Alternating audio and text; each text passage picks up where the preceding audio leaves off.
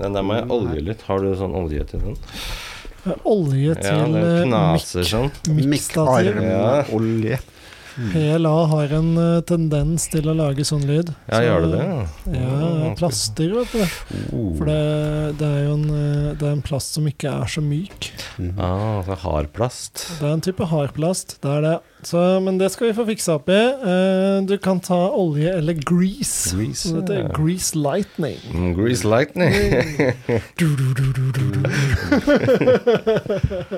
Og det leder oss til CC-spray på alt. Det Ja.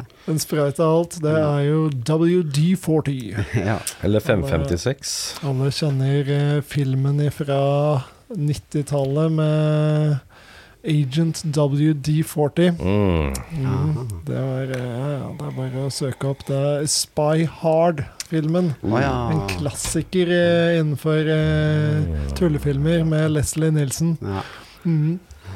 Yes, det var i- fin intro, det. Ja, ja, ja, ja. Yes, da har vi med oss Are her. Hei. Hei, hei. hei. Du er jo en kjernekar.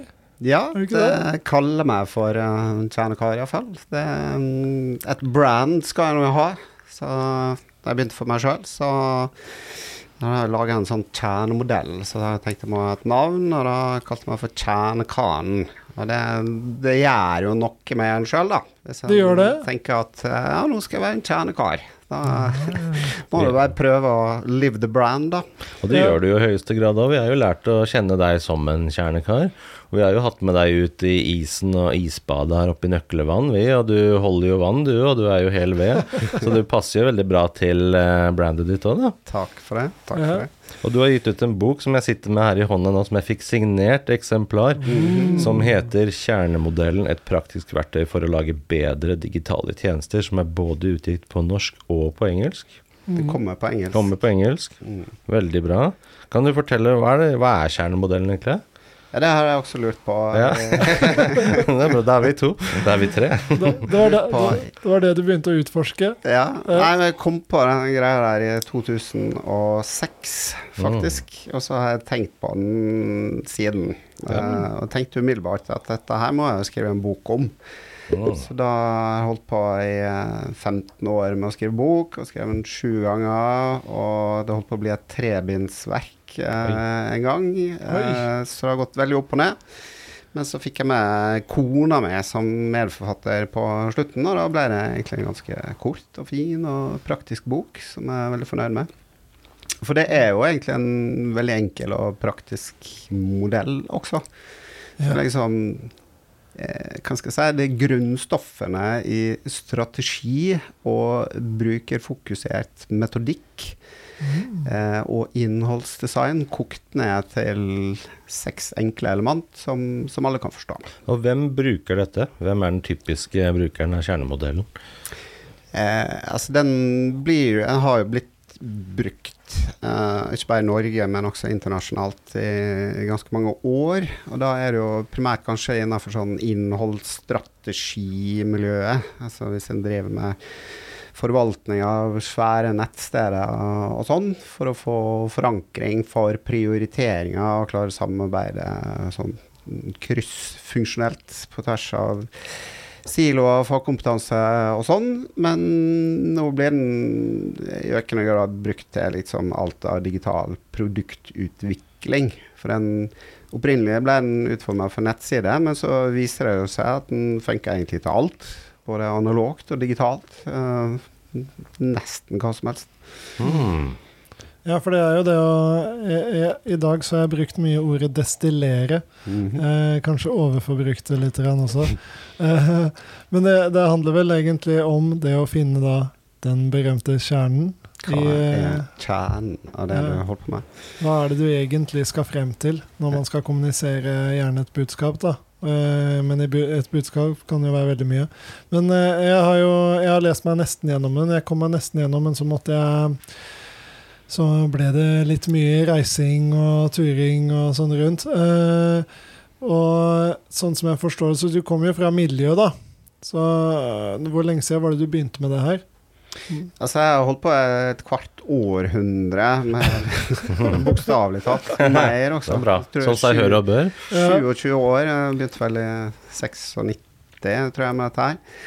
Eh, så jeg jobber med egentlig digitalt innhold og, og design og strategi i, eh, ja, i veldig lenge. Eh, som konsulent og som inhouse. Jobba i Finn en stund, blant annet. Eh, og så begynte jeg for meg sjøl i 2020, da. Så Ja. det har liksom holdt på med dette en stund. Um, En god stund, ja. vil jeg si. 2020, det er jo ja, kvart århundre siden Ja, det. Snart, i hvert fall. ja, nei, 2006. Eh, Ja. ja. Men jeg skal vel ha holdt på et kvart århundre som kjernekar også. så- Ja, vel så Ja, det må du jo absolutt. Absolutt. Ja. Øh, men kona di var med hele veien på dette, eller? Eh, altså Hun har jo egentlig eh, fått lide for at jeg har fått eh, dette her eh, verktøyet som jeg tenker på eh, nesten hele tida. Ja. Så til slutt så ble jeg vel egentlig så dritlei at enten måtte det bli slutt, eller så måtte eh, hun være med som medforfatter, bare for å få dette ut i, i verden. Ja. Og så det var hun ut, som Ja, ja, ja. Så det var hun som egentlig mm, ja, fikk kokt det ned til noe som var praktisk og forståelig og, og veldig fint. Altså Ja. essensen, kjernen av Ja, og, det, og det må jo ha vært et skikkelig arbeidsstykke, da. Fordi én ting er jo liksom metodologien og egentlig alt det du prøver å få frem i boka. Men det blir jo, sånn du snakka om, hvis du har en tre bind, da.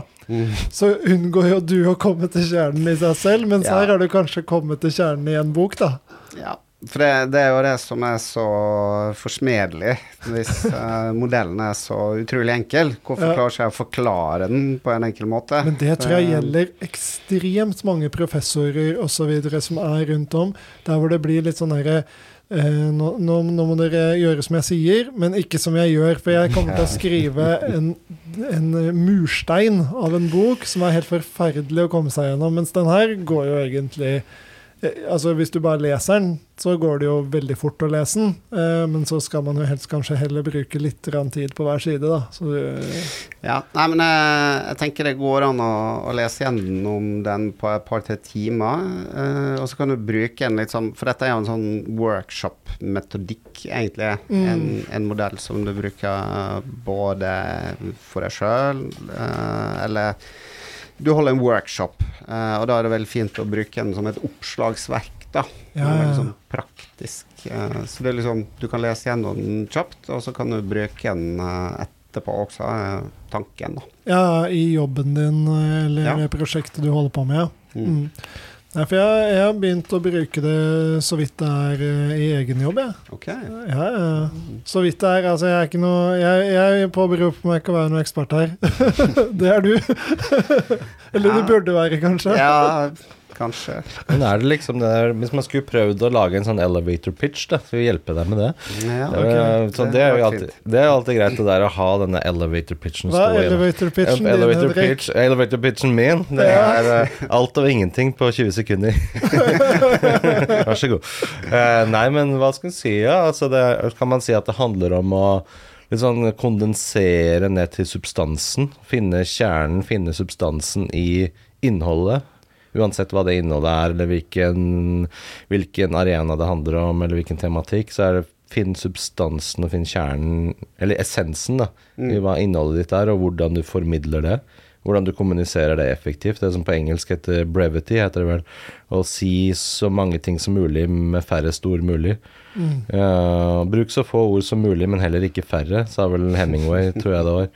Uh, eller var det Oscar Wilde, tror jeg det var, kanskje, som sa det. La oss kaste store forfattere. Ja, ja, name-droppe, det gjør vi på denne podkasten her. ja. Ja. Um, Bro-dropping. Ja, bro-dropping. Ja. Um, så det, det er vel noe med det å ikke kaste bort uh, for mange ord, og nettopp det at du har kundene, eller potensielle kunders oppmerksomhet veldig lite lite Du har det i et veldig lite tidsrom, sånn at du må være effektiv med kommunikasjonen din. Er det noe sånn inni det verden der? Ja, for du, skal, du må prioritere. Du kan ikke si alt. Ja, på en gang. det er poenget her. Så du må vite hva som er viktigst. Hva, hva er det brukeren, lesen, leseren, kunden faktisk lurer på?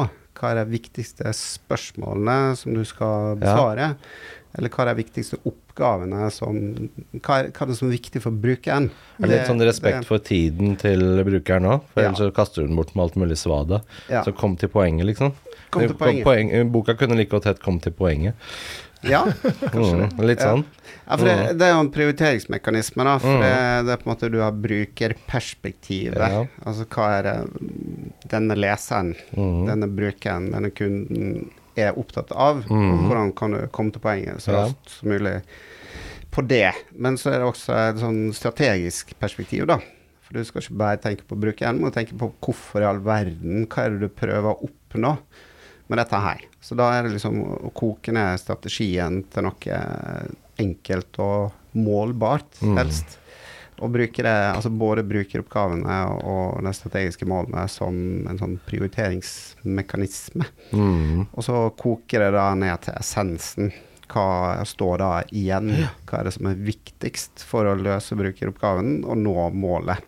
Det er et sånn fint sitat som heter Jeg hadde ikke tid til å skrive deg et kort brev, så jeg skrev et langt et isteden. Ja, for Det det, er jo det som skjer, da. Så når du ikke veit hva brukerne, Mm. kundene, lurer på, så skriver du jo alt du kommer på. Ja? Så det er liksom Alt i overskriften. Motsatsen er jo det at du bare pøser ut eh, masse greier uten å tenke over hvorfor. Da kommer, vi, dette fort- ja, da kommer vi fort over på det som heter UX-design, ikke sant? som handler om ikke bare designet visuelt og grafisk sett, men også hvordan det er i bruk funksjonelt. brukeropplevelse. Ja. Mm. Mm. Og er ikke det der litt sånn eh, tegn i tiden også? Fordi det er utrolig mye content Mm. som lages uh, av eh, egentlig Ja, nå kommer alle. ChatGPT og bare pøser ut enda mer Ja. eh, innhold. Så, Ja, meningsløst. Eller det som er med ChatGPT, jeg, jeg bruker det jo selv, er jeg digger det til konkrete oppgaver. Mm. Så funker det kjempebra. For den er jo egentlig veldig bra til å konkretisere hvis du gir den den oppgaven, da. Så, eh, men da bør du også bruke kjernemodellen, da. Ah, men kan du be ChatGPT Du kan instruere den til 'use the core model while doing this task', kolon. Altså bruker den prinsippene i denne. Har du testa det? Det har vært kult. Eh, ja, det, Det har vært går gøy, an. da. Men eh, det jeg tror, da, at du eh, slipper ikke unna å faktisk måtte gjøre noen strategiske prioriteringer Ja. i en organisasjon. Mm. Eh, og du er nødt til å samarbeide, og du, du kan ikke gjøre alt. Så hvis du skal gi ChatGPT gode instruksjoner, så Mm. bør du egentlig bruke kjernemodellen først. Sånn at du vet hva du skal be om. Så, Men da kommer man fort inn på hva, hva er kjerneverdiene til firmaet, til bedriften. Hva er det som er viktigst for oss å kommunisere ut? Hva er det vi står for? Da kommer man fort inn på at det er lurt å definere kjerneverdiene til, eh, til bedriften vår. Ja, så det, det ligger kanskje litt utenfor eh, på en måte kjernemodellen, da. Mm. Eh, men Du har jo ligger litt inkludert sånn- det, da. Det er kjerneverdier. Ja, det er jo kjerneverdier. Ja, du har jo inkludert det i, eh, i, i boka di. Ja. Så det, Så det, men det handler jo mer om hvordan du utformer innholdet. For det, dette er en prioriteringsmekanisme, og så må du jo jobbe videre med innholdet for Mm. å, å lage det bra. Men det er på en måte en Mm. måte å bli enige om hva som er viktigst. Ja, og det er viktig. Det er viktig. Hva er eh, Det syns jeg er spennende. Var en liten digresjon på det. Vi liker digresjoner på denne poden her. er. Da kommer jeg på en greie. Hva er det som, etter hvert som ChatGPT og sånn blir større, hva er det vi fortsatt i bedrifter og i kommunikasjon vil trenge mennesker til, som ChatGPT ikke kan gjøre? Som vi fortsatt, uansett hvor avansert den blir, uansett vi trenger menneskelig tenkning, resonnering, verdier, det, det menneskelige ved oss, da. Har du gjort deg noen tanker om det? Ja, eh, altså det menneskelige er jo egentlig Altså en organisasjon, en bedrift, må jo fungere i et samarbeid mellom menneskene der. Eh, altså nå jobber jeg jo altså med digital produktutvikling, så sitter en i tverrfaglige team med utviklere og designere og saksbehandlere i Nav, f.eks., eh, og skal jobbe sammen om å lage noe som løser noe for kundene og brukerne, og som når noen strategiske mål. Og så må vi samarbeide for å finne ut hva det skal være. Eh, det Altså hvis du Med mindre du skal la ChatGPT styre hele sjappa di, så, så må du Hvis du skal ha noen ansatte som skal drive med noe som helst, Mm. så må det være å samarbeide og prioritere og sette en retning og ja, prioritere. Da. Mm. Dette er et redskap for å samarbeide og for å prioritere. Og det kreves liksom mennesker til å gjøre på en måte òg. Jeg ser for meg det at uansett hvor avansert en kanskje blir, så det er vel noen egenskaper som vi mennesker har som en maskin aldri kan ha. Hva tenker du, Steinar? Ja, ja, jeg, jeg tenker at hvis eh, du skal få Hvis mennesket skal ha en rolle i the new world order, så tenker jeg at det, er- det er liksom den dypere kunnskapen. Altså, for chat-GPT, det den er jo veldig fint å rable ned masse ting. Eh, og du har masse AI-plattformer nå som kan egentlig gjøre veldig mye forskjellig. Men de har ikke noe dypere forståelse av problemstillingen eller hvorfor vi gjør det vi gjør osv. Den bare eh, banker på noen setninger og noen bilder og osv. Mens det, det å finne ut hvorfor gjør vi det, vi gjør det fordi vi skal, øh, vi skal nå dette målet egentlig, det mangler jo en AI fullstendig. Altså, Og kanskje spesielt med nettopp innholdet, så Ja. handler det om empati å kunne stå i andres sko og, og tenke hvordan vil dette bli oppfattet av et annet menneske. Og der tror jeg eh, AI kan komme til kort, for den kan kanskje forstå det på sånn teknisk nivå, men ikke følelsesmessig nivå. Og der, du har ikke noen følelser i uh, ChatGPT, så der har jo menneskene et fortrinn.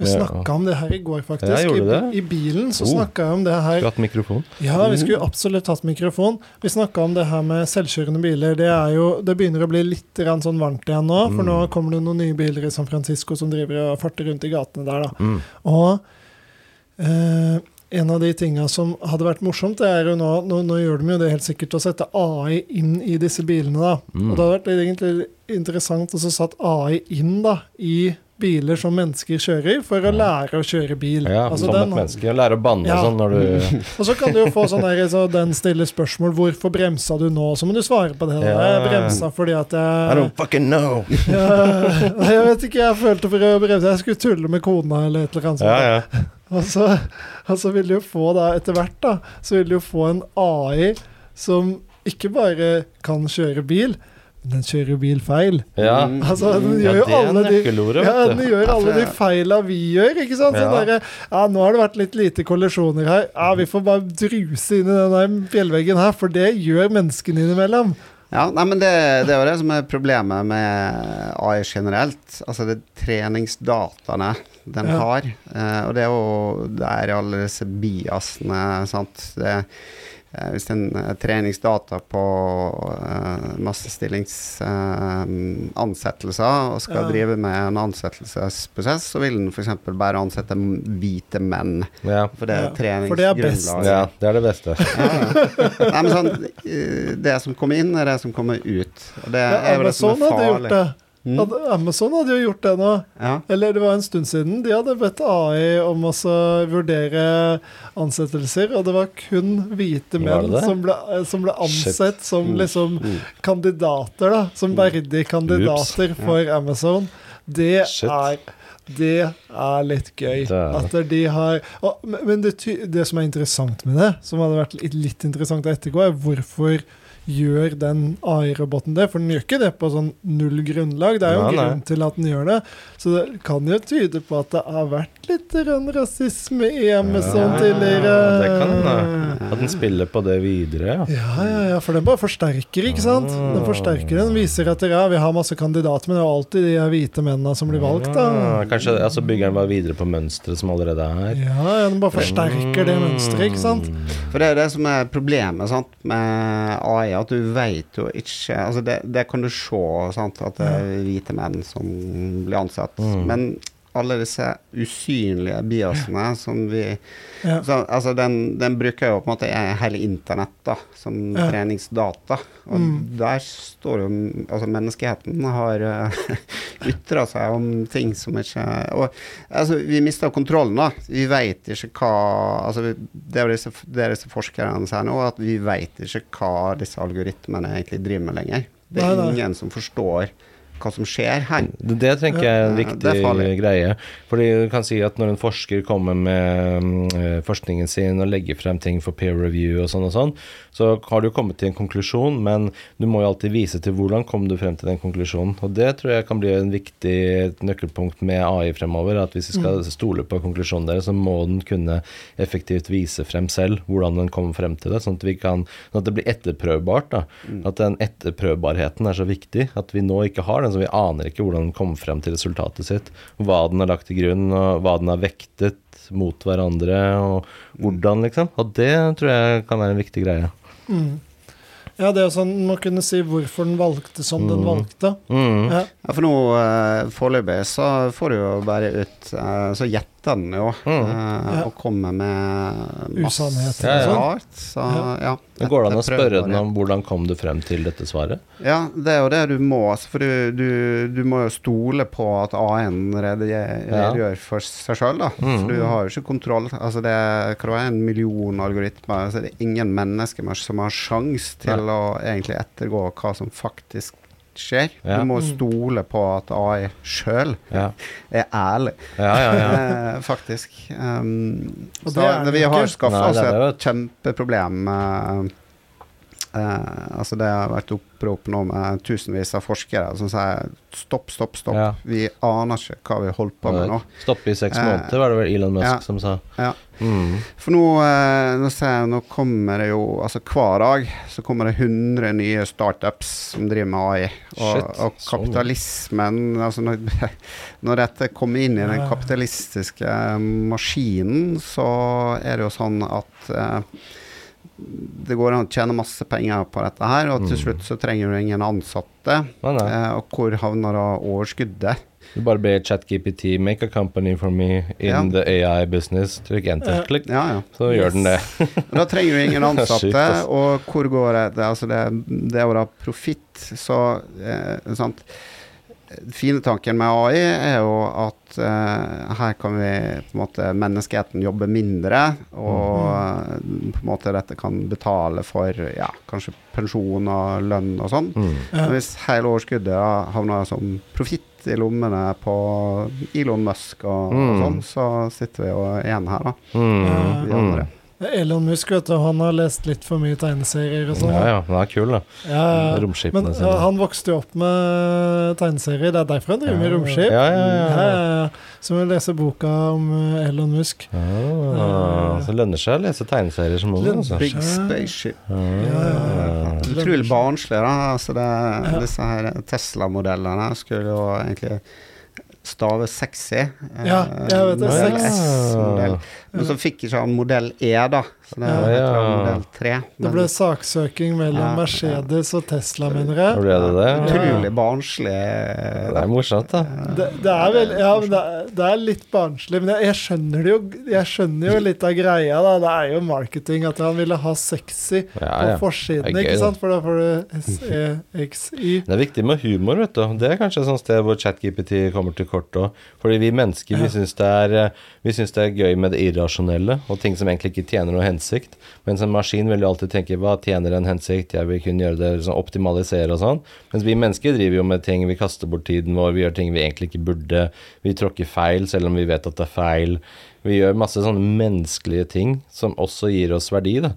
Som, som en maskin ikke ville sett på som noe verdi, tenker jeg. Kan Ja, du kan jo bare si altså, gi meg det som ikke har hensikt. Mm, Så så ja. Mm. Mm. Så hva står du igjen med, er jo på en måte han Thomas, eh, min nabokontorist. Mm. Eh, men at det er liksom dokumentarfoto og, og på en måte ting som er ekte, da. Mm. Som kanskje vil være meters Spurt. Og selv der så blir det jo vanskelig å skille etter hvert med deepfakes og alt det der. men hvis du skal ha ekte mennesker, så kanskje du har deepfake. Ja. Eh, Så ja. Hva tenker du på da? Ekte mennesker? Fins det ekte mennesker? Ja, sant. Eh? Jeg gleder meg til den amerikanske valgkampen nå, når 2024, republikanerne Ja. kan kjøre deepfake på Ja, ja. alt med Biden og Ja, ja. Det blir jo bare mer og mer av det, men derfor blir det også viktigere med kildekritikk, tror jeg. Det blir et nøkkelord for 2024 og fremover. Ja, de amerikanske velgerne er jo veldig opptatt av kildekritikk. ja, ja. Eh, Heldigvis. Det blir vanskelig. Nei, det greiene der eh, blir jo helt eh, galskap. Ja, shit. Men eh, du holder jo du holder foredrag for BI-studenter og sånn, du. Ja, det gjør jeg også. Så det, Det er vel en del av det samme, er det ikke det? Du forteller dem om kjernemodellen og hvordan de skal bruke den. Ja da. Det er jo den bruker den som egentlig et strategiredskap, da. Ja. Eh, Jeg liker å snakke om å ta strategien når jeg er på jorda. For eh, disse svære selskapene har utrolig svulstige og vage og abstrakte strategier. Mm. Hva er det da? Det, skal være kundens beste venn. Mm. Eh, liksom Det er bare sånt øh, Jeg føler jo større selskap det er, jo Mm. mer sånn tåkesky er det, Ja, ja. de er verdiene de kjører Ja. på med. Ja. Altså, det har jo ingen rot i verken virkeligheten eller hva alle de ansatte føler at de er med på. Ja. Nei. Det Det, var, er- det var en uh, Howard Business Review for noen år siden hadde altså, det er konkludert med at 95% av alle som jobber i en bedrift, organisasjon, har ikke peiling på hva strategien er. Ja. Eller de har misforstått den fullstendig. Ja. Er. Så hva skal en da med strategi, hvis en skal sette en retning? Mm. Men det er liksom litt av poenget med kjernemodellen, å ta strategien ned på jorda. For når du ser på ett liksom, kontaktpunkt, et produkt, en app, en nettside, hva det er, hva er strategien her? Hva betyr strategien i dette punktet i universet? Mm. Hva, jo, vi skal løse brukeroppgavene til først. Eh, altså vi skal ha økt kundetilfredshet. Vi skal ha færre telefoner til kundeservice. Vi skal eh, øke datakvaliteten i skjema. Liksom, hva, hva, hva kan du koke det ned til? Noe konkret som du helst skal måle akkurat her, da. Så det, det tenker jeg er operativ strategi, mikrostrategi. Du, du liksom ser på den overordna, så er det noe som helst som sitter igjen når vi er her. Altså at den funker på alle nivåer i bedriften. da Helt fra gulvet, på en måte, bokstavelig talt, og oppover mellomledere og på toppen. At det går hele veien. Ja, for Poenget med sånn kjerne- og XT, da, dette workshop-formatet, er jo at da får du folk i bedriften til å faktisk tenke strategi Mm. uh, i det daglige, og forstå hvordan det henger sammen med Mm. det de holder på med. Mm. Føler, føler du at studentene får det med seg? Ja. Det, ja. eh, Dette var ledende spørsmål. veien, altså. Det er bare et riktig spørsmål. Det. ja, ja. Nei, eh, for det Altså, det jo brukeropplevelse, og det er strategi og design, og også markedsføring ligger inne i den modellen her. Da. Mm. Du, du, skal, du skal lage noen veier inn til det du holder på med. Så du må, om det da handler om søkemotoroptimalisering eller word of mouth eller Mm. eh, informasjonsarkitektur. Altså hvordan skal folk finne dette her? Hvordan skal du få folk Hva er veien inn til denne kjernen her? Ja. Og så er det veien videre. Hva skal skje etterpå? Hvordan blir på en måte den kundereisen etterpå? Hvordan skal du konvertere den trafikken til om det er et salg, eller om du skal skaffe en lead, eller du skal på en måte eh, gi, sånn at Nav skal bare betale ut trygd så enkelt som mulig. Så, Mm. så det, det er på en måte målet bare eh, Altså veien videre er bare at folk skal få penger i kassa. For det, det er ikke kundetilfredshet, det er bare liksom et basisbehov som skal dekkes. Men veien videre må en likevel Ja. tenke på. det. Det er mange paralleller til fiskeribransjen her, da. Fiskeri. Ja, ja. La meg fortelle. Ok. okay. Vi er glad i metaforer her, analogier, alt mulig. Eh, la oss si du er ute på havfiske, ikke sant. Og så Mm. har du svær tråler, og så skal du fange alle disse fiskene her med svært nett. Svært nett, men hva Så fanger du veldig mange fisk, men hva skal du med all den fisken? Jo, du må videre inn gjennom en trakt for å finne ut hvilke av fiskene du vil ha. Du vil ikke ha alt som fanges opp i dette nettet, du vil ha essensen. Og så skal disse fiskene tas med videre, og så skal de foredles, og så skal de videre til konkretiseres og skapes noe verdi ut av det. Og så lage salmalaks til slutt, da, som ender Ja. på sushibordet til forbrukeren. Veier inn og veier videre. Ja, nettopp. Ja. Sånn at du kan kaste et stort nett, men så er det alt dette her Dette er jo masse paralleller til salgsbransjen med funneling, og så Ja. skal du opprettholde disse og sende ut e-postbrev, ikke sant, og så få dem til å konvertere til slutt, og så beholde kundene senere for mersalg og Ja. skape community, og, ikke sant. Så det er mange paralleller i dette her til, Ja. til mange ting. Og egentlig sørge for det, eh, Funnel er jo egentlig ganske relevant. da. Mm. Det å sørge for at der, eh, du greier å fjerne de som det ikke er relevant for. Mm. Ikke sant? Så tidlig som mulig. Mm. De, de trenger ikke få mer spam enn de allerede får. Altså det, det, er det fins det nok av i verden. Og, Mm. og man kan jo se på det mange putter opp på nettsiden som spam, det også. Mm. Du spammer ned folk med ting de egentlig ikke har noe behov for Ja. å få med seg. Ja, Da er det viktig med dette prinsippet som han eh, Seth Godin prater om, markedsføringsguru, med permission marketing, med å få tillatelse fra kunden til å gi dem informasjon. Ved at de for eksempel, da, Forskjellen er for eksempel å drive og få masse mail som du ikke har bedt om, Ja. versus å faktisk bevisst og aktivt klikke seg på ja på å motta et nyhetsbrev fordi du har lyst til å få den verdien som det nyhetsbrevet gir deg. Jeg lurer på Det- hvor mye av sånne ting også som er scam, sånn som Mm. virker reelt. Ja. Jeg, jeg fikk noe mail nå, det var en eh, AI-startup, apropos Mm. det. Oh. det var eh, AI eh, Think eller Jeg husker ikke, jeg sletta det. Mm. Eh, men de skulle liksom ha funding da, til å starte denne nye Mm, AI-startupen deg. sin. Fra meg. Altså, og de skrev bare om det. Altså, ja, vi får funding, vi har fått så og så mye fra noen jeg aldri har hørt om, uh, osv. og så videre. Da. Og så var det liksom å skape en sånn her eh, The train is leaving the station-type Mm. mm, tankegang. kjappe Ja, nå må du kjappe deg, vet du. For mm. nå er det dårlig tid, tida renner ut. Jeg Mhm. sendte jo ti mail i løpet av to dager eller noe. Og bare banka på. Så tenkte jeg, for det første, jeg har ikke meldt meg på de greiene her. Jeg lurer på hvem som har fått e-posten min Ja, ja. til det greiene her. Og så, etter liksom å ha sett sjette mailen, da, så begynte jeg å tenke ok, jeg får se hva dette er for noe. da. Mm. Det var jo veldig vanskelig å finne ut av, da, hva de egentlig skulle gjøre og løse osv. Så, videre. Mm. så ja, det og, og da ender du bare opp med spam, ikke sant? Ja. Apropos AI. Mm. Jeg tenker så mye spam det kommer til å bli nå fremover, med AI som genererer. Og så vet du ikke helt hva som er ekte og ikke ekte lenger. Mm. Det virker som en sånn håndskrevet brev liksom, til deg, fordi den vet alt om deg, basert på uh, mønstrene dine, hva du handler. Ikke sant? Det kommer til å bli Mm. så sykt nært opp mot virkeligheten, på en måte. Ja, Skummelt, vet du. det gjør det. Jævlig skummelt. Ja, men jeg, men jeg føler at mange av dem er langt bakpå, altså. Ja. Sånn som eh, hvis du tar de største selskapene i verden som du skulle tro vet absolutt mest om deg som Mm. person. Da har du Google, og så har du Facebook. Apple. Apple Ja, det er ikke så stor greie, kanskje. Da, da må du ha Apple, da. Mm. Hvis du ja, hvis du har Apple, da vet du en Ja, del. da vet jeg, men de, de Mm. virker som at de er litt sånn etisk bevisste på Ja, hva de Opptatt av personvern, faktisk. Ja. Ja. Eh, mens Facebook på ingen måte Ja, er opptatt av personvern. Og. TikTok. De uh, Ja, vet de ikke hva personvern er. Nei, det, det, det står ikke i ordboka. Privacy? What privacy? We are the Chinese! Men eh, sånn som Facebook og Google, jeg syns de treffer overraskende dårlig på, på reklamene sine. Mm. Spesielt sånn Facebook er jo bare en stor billboard blitt. Mm. Altså Det er eneste de driver med reklame.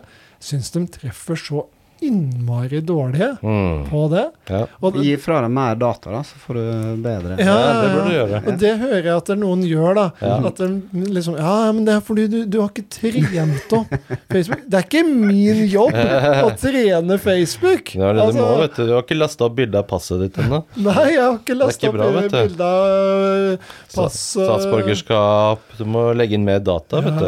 jeg må legge inn mer data. Mm. Og jeg bare Det er ikke min jobb å gi mer info til Zuckerberg, altså. Han har nok penger, han. ja, ja. han eh, Nei, Du er jo et produkt, vet du. Det er det som er opp-ned-modellen med Facebook. Er Ja, ja. Facebook er ikke produktet, du er produktet. ja. Det er rart, det der, altså. Ja, ja. Man godkjenner det fordi vi får verdi ut av det, da. ja, men jeg får ikke noe mer verdi ut av Facebook Nei. omtrent. Jeg. ikke det. Nei, nei. Så jeg bruker Altså, Facebook, hva er det jeg bruker? Jeg bruker Messenger, men det Ja. kunne lett ha blitt bytta ut Messenger også vet jo hva du skriver, da. For du får reklame Ja. der basert på hva du skriver, omtrent. Så det Ja, analyserer jo Jeg sletter all reklamen. Ja. Jeg vil ikke ha det. Hva bruker du av medier, Are? Hva slags sosiale medier tenker du er nyttig? Nå er jeg jo litt mer sånn business to Ja. business, så det er LinkedIn. LinkedIn som, eh, som gjelder, da. Mm. Og der er det ikke like mye reklame. Nei, enn så lenge så, Ja. så er ikke det. Så, så LinkedIn er litt sånn, eh, litt sånn baby sosialt medium, der det ikke er så mange som har misbrukt det så lenge. Ja, ikke Så du har en sjanse til å komme gjennom der, da. Det Ja. er litt sånn smarte løsninger, fordi de har begrenset antall meldinger du kan sende til folk som du ikke kjenner og sånn. Mm. Så de holder jo det nede sånn, pluss at du har jeg tror det er ganske mange som abonnerer og betaler for tjenesten. Jeg gjorde det en periode også, sånn premiumtjeneste, betaler 200-300 i måneden. Ja, ja. Ja, Funka det? Jeg syns det, for da får du gjort enda mer. Du får skrevet meldinger, du får tatt kontakt med folk og sånn. Men det, Mm. jeg tror det er også et sånn slags filter som gjør at det blir bare seriøse folk som er der. da. For Mm. det er ingen som gidder å være der useriøst hvis du betaler masse penger for å være der. Ja. Sånn at da har du en hensikt med det. Kanskje det også rydder opp i samfunnet ditt i, i de mediene. Det blir høyere barrier to entry. da. Mm. At det blir sånn Du må ofre noe selv for å være der. Ja, og så slipper du reklame fordi du har faktisk Mm. betalt for det. da. Ja, og jeg ville gjort det, apropos det. Jeg tror jeg ville vært villig til å gjøre det på sånn som Facebook og sånn. Betale Mm. litt for å slippe all reklamen. Mm. Og liksom bare bli kvitt alt det og bare sitte igjen med essensen, tilbake til kjernemodellen. Mm. Hvordan kunne Facebook forbedre tjenestene sine? De burde lese for... kjernemodellen Ja, av Are Gjertin Urkegjerde Halland. ja. Og nå, Ja. nå svinner tiden til Facebook, det er Ja, jeg ganske sikker på. Fordi de har gått så lenge nå, hvor de har Mm. blitt mer og mer enn billboard. Ja, Jeg tror at det, det her går at skogen. det tror jeg også. Og Ja, men Facebook er jo på vei ut, Jeg tror det. Ja, high five! Yeah! Yeah. heldigvis. Og så har du jo Meta, det er vel det de heter nå. Men Ja, de eier, hva er det de eier? Facebook og Instagram, ikke sant? Og så kan, jeg vet ikke med Snapchat. om Det er, herlig, det det er jo fint at han svidde av eh, en del milliarder dollar på Metaverse, da. Ja, det ble ikke noe av det. Suksess. Det ble ikke noe særlig, det. Altså, hva? Brønnøysundregisteren, eller eh, det en eller annen sånn offentlig instans som har brukt eh, et par til hundre tusen på tilstedeværelse i Metaverse. det? Metaverse. Ja, ja. Nei, det var, enda, det var enda mer obskur Ja. enn Ja, det var ikke deg, det, det vet jeg, men eh, Det var en eller annen sånn etat du aldri har hørt om. Ja. Så du tenker, hvorfor i alle dager skal de ha noe som Ja, ja. helst på noe sted der å gjøre i det hele tatt? Men det var jo for å liksom rekruttere utviklere. Ja. Og det feila jo fullstendig, selvfølgelig. Sånn som det meste av offentlige satsinger gjør. ja. Ja, men det er altså politikere som lar seg blende av litt sånn Silicon Valley-pitch. Mm. Det har jo mange eksempler. Den pl- Ja, eh, nå den er katastrofe. Er Det var jo fordi at jeg var i Silicon Valley og, og fikk en sånn pitch om hvor fantastisk dette her eh, systemet var. Mm. På akkurat måte, samme måte som politiet eh, fikk høre om eh, dette fantastiske overvåkningssystemet, eh, Palantir. ja. Så du har liksom flere eksempler i det offentlige på at en har latt seg blende av dette her, og så har en ingen peiling på hva dette egentlig handler om. Flinke til å selge, vet du. Flinke selgere der borte. Mm. Mm. Um, Men hva er det i det for politikerne? Er det mye smøreavtaler og korrupsjon, tror du? Nei, det, det tror jeg ikke. Det er bare inkompetanse, Mm.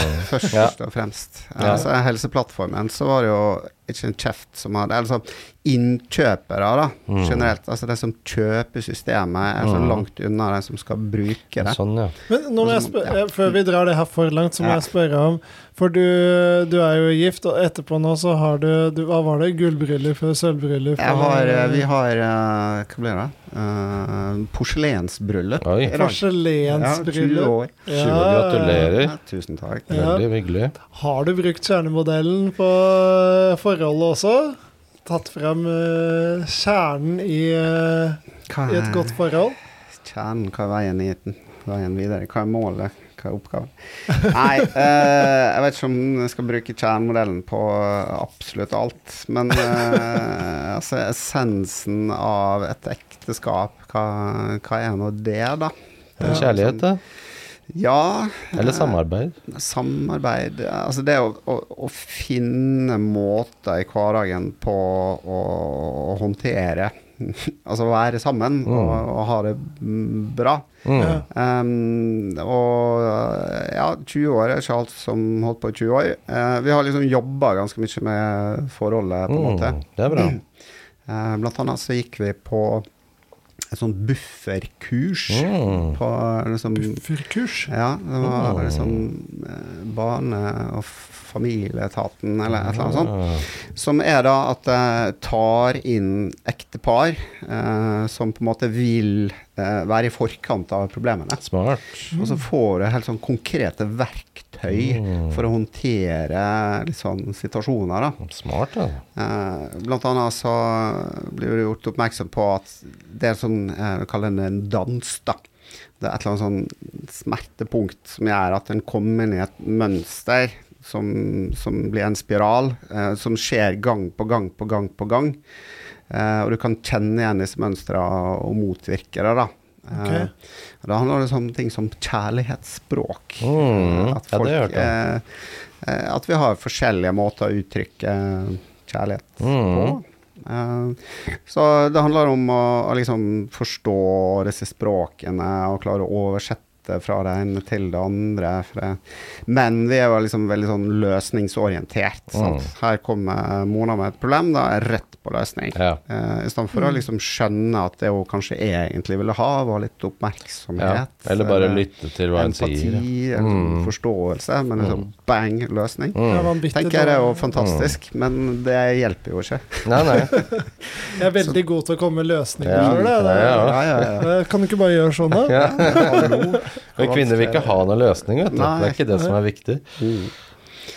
Ja. Nei, men uh, bare skjønne disse mekanismene, da. Ja. For det, det er egentlig mm, Ja, det er en et viss logikk i Ja. det, på en måte. Hvis en skjønner liksom det bakenforliggende her, Mm. så, så kan du på en måte analysere deg fram til denne dansen her. Hvorfor oppsto den? Jo, fordi at du pirka borti eh, dette her, som Mm. gjorde at jeg kom i det moduset der. Og da husker jeg på Så kommer det kanskje noen barndomstraumer, og så ligger masse Mm. greier bak, da, men gå inn og analysere hva er greia her. Hva, hvorfor skjer dette her, Mm. og kan vi gjøre nok grep for å komme oss ut av dette her? Ja, dere er veldig flinke, eh, dyktige par da, som gjør dette og kommer i forkant selv om de ikke har noen problemer. Så går dere på kurs i tilfelle de skulle få noen problemer. Ja, men er det var kjempebra, poenget med bufferkurs. da. Mm. Sett opp en liten buffer. Ja, ja. Men det er jo det er ikke så mange som tenker sånn, tror jeg, selv om man burde. Det er liksom det å komme ting i forkant, det er proaktivt. Akkurat sånn med fysisk helse, du trener og sånn for å unngå å få eh, problemer med helsa. Så gjør du det med forhold også. Unngå å få problemer i forholdet. Det er smart, altså. Mm. Hva, hva er det viktigste sånn eh, takeouten for å få et forhold til å vare lenge, tenker du der? Er det er det, det også eh, være i forkant, som du sier, eller er det andre ting som du tenker at er liksom smart å ha fokus på? Nei, men ehm, altså det er jo kommunikasjon, da. Ja. Forstå hverandre. For vi snakker jo forbi hverandre hele tida. Det, Ja. det er liksom ja, forskjellige kjærlighetsspråk eller forskjellige oppfatninger eller liksom alt du bringer Altså for det, eh, en annen ting vi driver med, er jo at vi har, har blitt sånn zen-buddhister, begge Ja, to. spennende. Så, så vi driver med liksom hver morgen så sitter vi i sasen og mediterer litt. Det er noe felles der. Det, ja, har noe felles, da. Og så er vi ute og sykler sammen, og liksom noen Ja. felles Terreng ting, eller landevei? Ja, vi sykla litt terreng før, mindre av, men mer landevei nå, da. Ja, ja. Så ja, kommunikasjon, felles interesse, skrive bok sammen, Mm. kanskje. Men hva skiller zen-buddhisme fra vanlig buddhisme?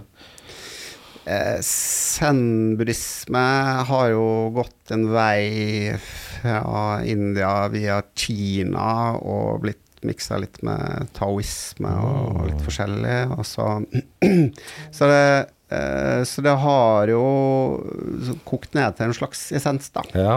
eh, som er eh, Hva handler Zen om? Det er egentlig bare å være til stede i sitt eget liv der og da, og la alltid Altså ikke, altså alt som ligger bak, er jo bare kan jeg si Um, det minnet, eller det, det fins ikke. Mm. Og det som ligger foran, er bare bekymringer.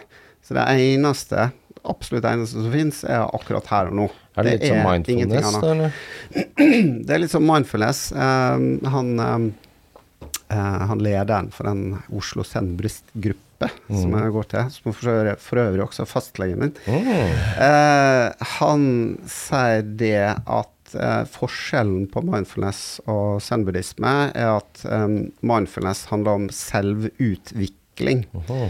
mens eh, zen-buddhisme handler om selvavvikling. Du skal egentlig bare redusere altså For i buddhismen så er jo ego en konstruksjon. Mm. Altså det finnes egentlig ikke. Mm. Det, det er en konstruksjon. Så liksom dekonstruere ego Mm. eh, og finne en eller annen sånn buddha-natur, da. Mm. Det, det høres litt svulstig ut, eh, dette her. Men jeg tenker det gir veldig mening, da. Mm. Eh, at ja, Være ett med naturen. Ja. Mm. ja, for det, det er egentlig ingen grense mellom deg og alt annet. Mm. Masse greier. Mm. Så det, og, og dette er sånn Det ligger bortenfor rasjonalitet, da. Så Mm. du kan egentlig ikke snakke Det blir liksom feil å snakke om det, egentlig. Du, det, handler Mm. bare om Altså, det er to ting. Det er sasen, eh, altså stille meditasjon, eh, og så er det daglig livspraksis.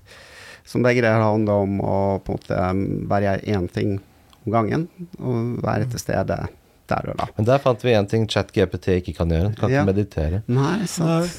Hold kjeft. kan- ChatGPT. Mm. Det kunne Mm. kanskje vært en bra prompt. Ja, Mm. ja, ja. Mm. Ja, men den er fin, det der, altså. Og det er altså Jeg tror jo uansett å utforske sånne ting eh, har en stor verdi. Eh, utforsker seg selv på en Mm. måte som man ellers Altså, det er ikke noe sjanse til å gjøre det på den måten der uansett. Da må man ta noen sterkere stoffer, mest sannsynlig. Ja. Nei, for jeg får jo ikke til dette her i det hele tatt. Det, Hæ? Gjør du ikke? Nei. Hvor lenge har du holdt på? Ti år. Ti år med det? Ja, ja. Nei, men eh, altså, det har jo gjort noe med meg, da, på Mm. et eller annet nivå. Jeg, alle har jo sitt å, å stri med. Jeg har vel egentlig en sånn bipolar 2-diagnose, Mm. faktisk. Eh, som er da forskjellen. er Bipolar 1 er liksom sånn voldsomme, ekstreme svingninger, men Mm. bipolar 2 er bare litt sånn mindre svingninger. Mm. Så da har du en sånn opptur som var når jeg kom på kjernmodellen. Det var liksom den store oppturen min. Mm. Eh, men så har du depresjoner, så jeg har jo Mm. vært eh, utbrent i lange perioder og sånn. Ja. Men alt er på en måte vekk nå, da. Um, uh, Hva jeg- føler du hjelper dere i forhold til depresjon? Hva er det du, føler du meditasjonen hjelper i forhold til det, f.eks.? Ja, det handler om liksom sant, eh, grubling. Mhm. Eh, det er utrolig mye grubling ja. i bånn her. Så jeg ser ikke at det bare er zen-buddhisme, så kvitter du deg med, med det. Altså, mm. Det er jo også rent kjemisk, så Ja. å finne på en måte en, en sånn kjemisk balanse med noe medikament, er én ting. Og så igjen så er det masse sånne verktøy for sjølforståelse, da. Mm. Eh, det å klare å kjenne igjen, igjen litt tilbake til ekteskap, liksom. Kjenne igjen mønster. Ja. Altså hva skjer forut for en depresjon? Jo, med meg så var det liksom eh, Jeg ble så svulstig i prosjektene, jeg hadde så voldsomme ambisjoner, Mani. og alt skulle fikses og, Mm. og sånn, og så kom virkeligheten, og da bare opp som en løve og ned som en ja, ja. en skinnfell. Så det handler om å kjenne igjen seg sjøl, da, i mønster, at eh, nå tar det litt av. Mm. Kanskje roe litt ned. Men riktig. Ja, ja. Eh, Så det er én ting, og så er det mm, masse fine verktøy. Jeg har gått til psykolog, eh, selvfølgelig. Mm. Eh, og det er et utrolig fint verktøy som han nevnte, var kalte det en grubleliste. Mhm. Du sitter jo alltid og grubler på et eller annet. Så da skal du ha en grubleliste, og du bare skrive ned hva du grubler på.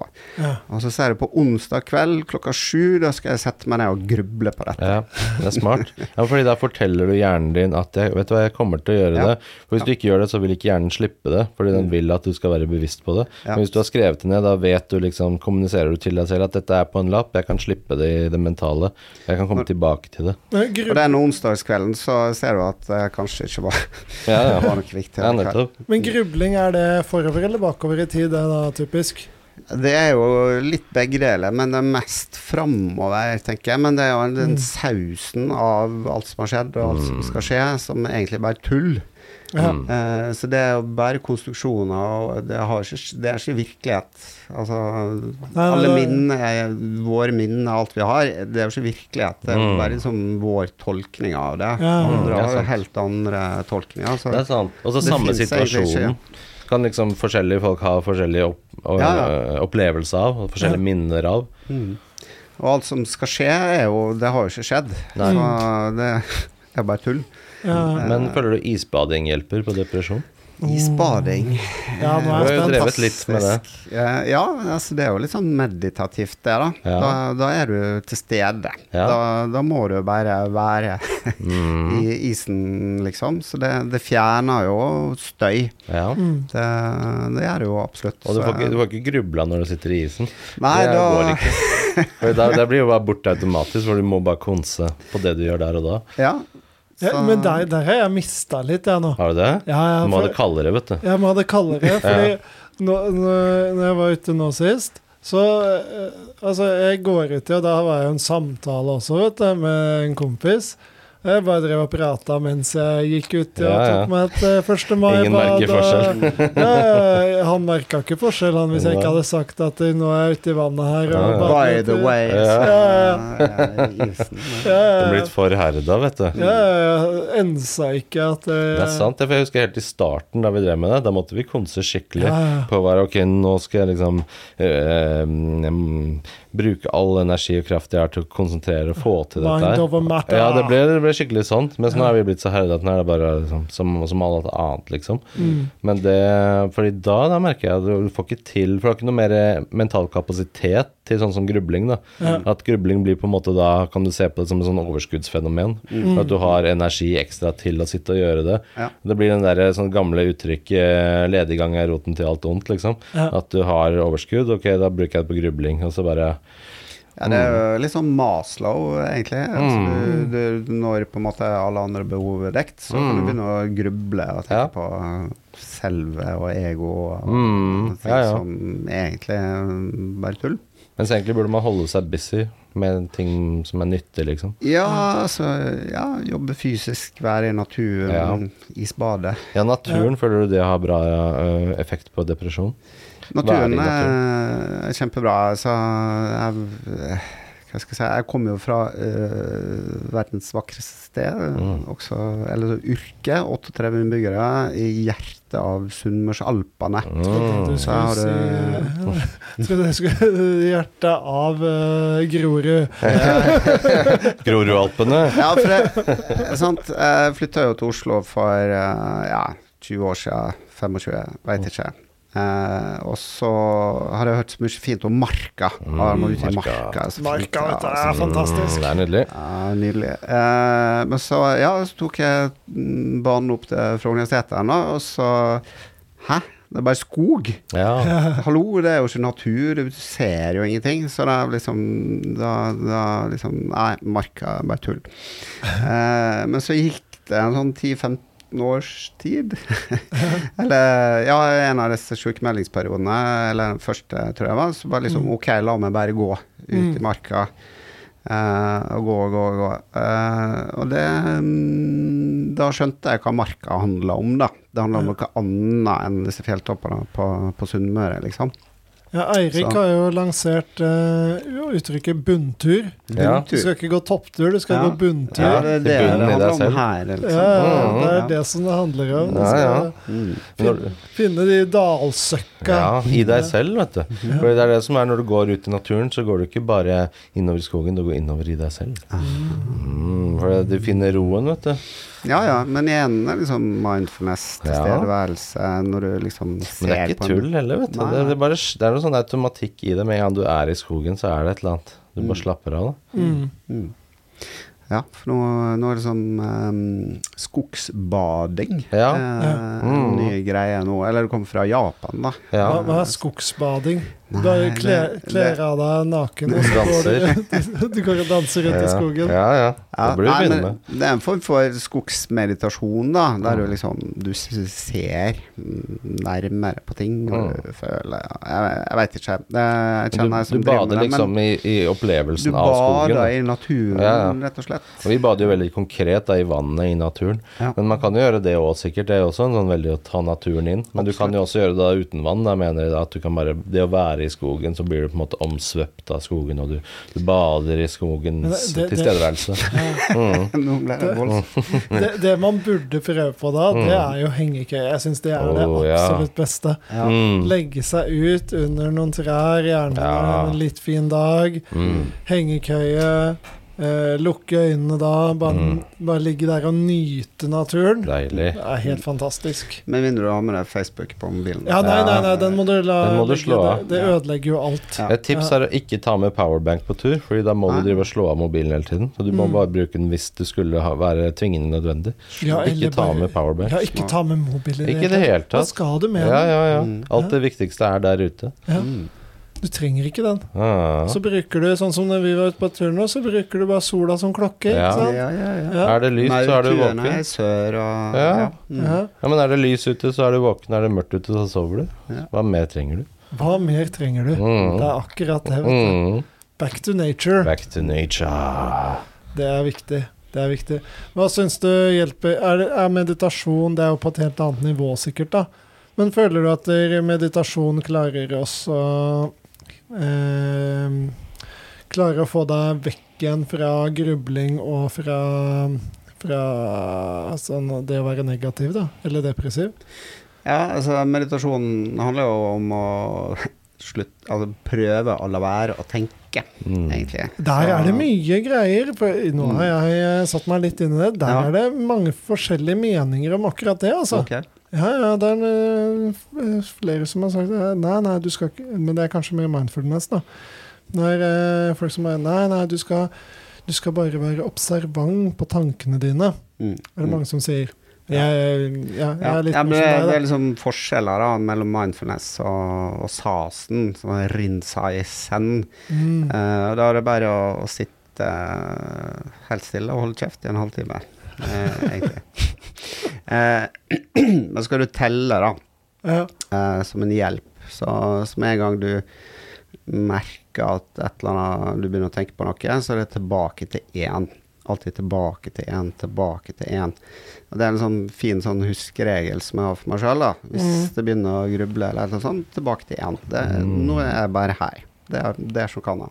Ja. Så, så liksom tilbake til én. Um, og ja. Tanker, ego, grubling, fortid, framtid fins ikke. Nei. Det er bare her og nå. Det er lettere sagt enn gjort. Veldig mye enklere sagt enn gjort. Ja. Eh, det går jo ikke an.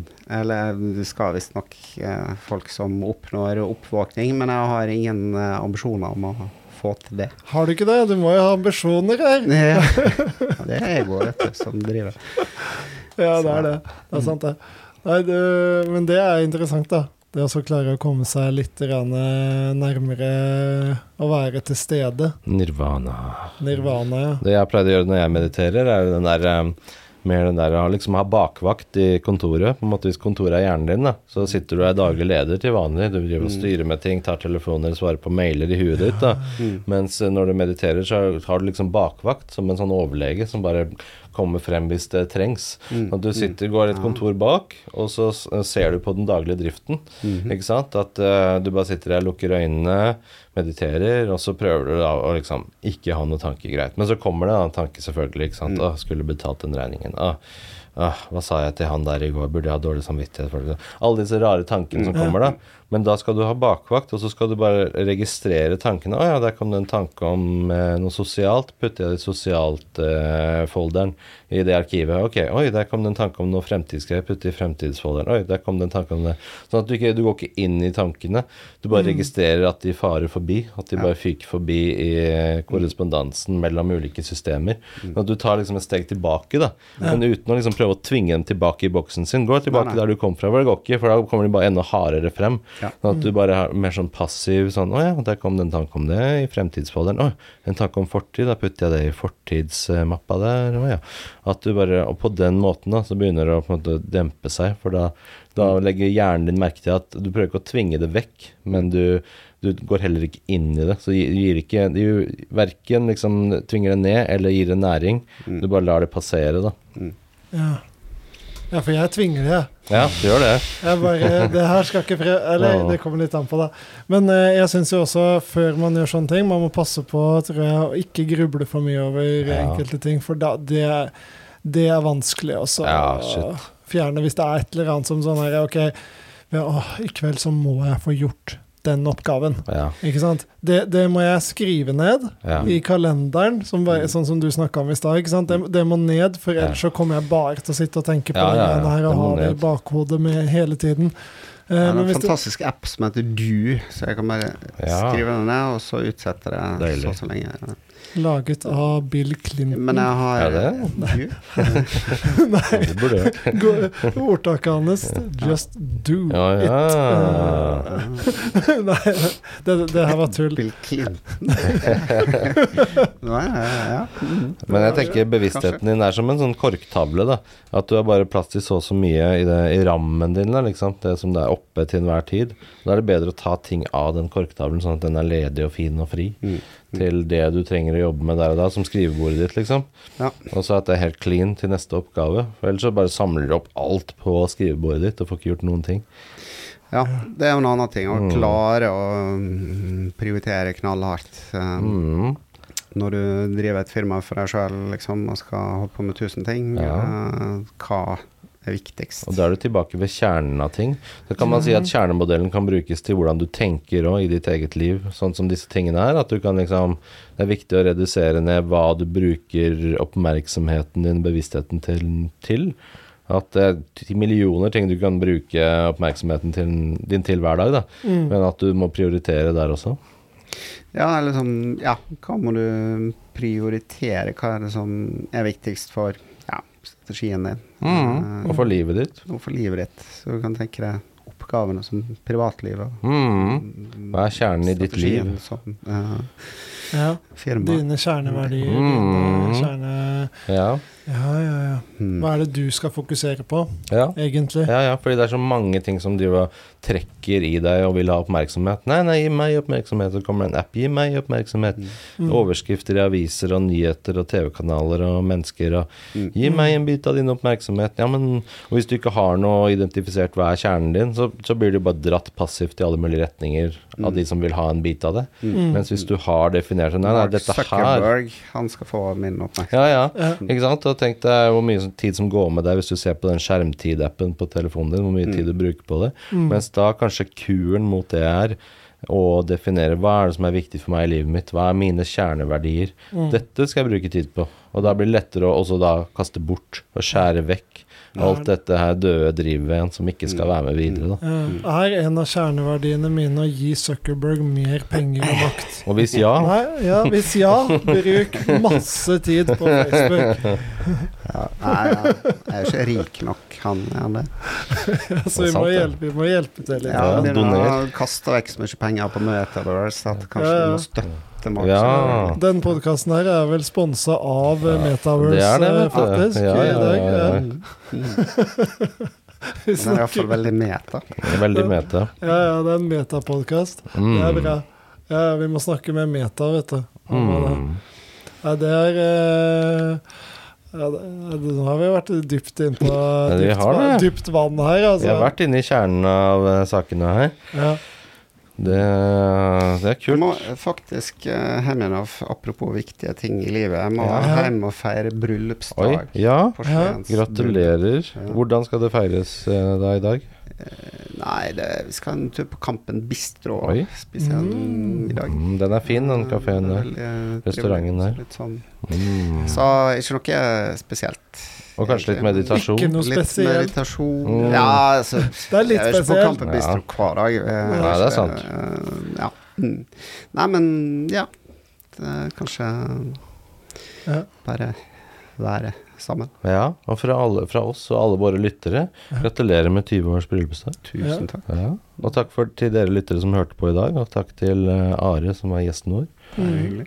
Og vi ses neste gang. Høres neste gang. Vi høres neste gang. Til Så- mer lunsj og mer prat. Ja, I mellomtiden får dere ta dere en eh, god eh, kaffe, dere også. Mm. Og så får du ha en riktig fin eh, eh, bryllupsdag. Tusen Mm. takk. God lunsj, da. God lunsj. God lunsj.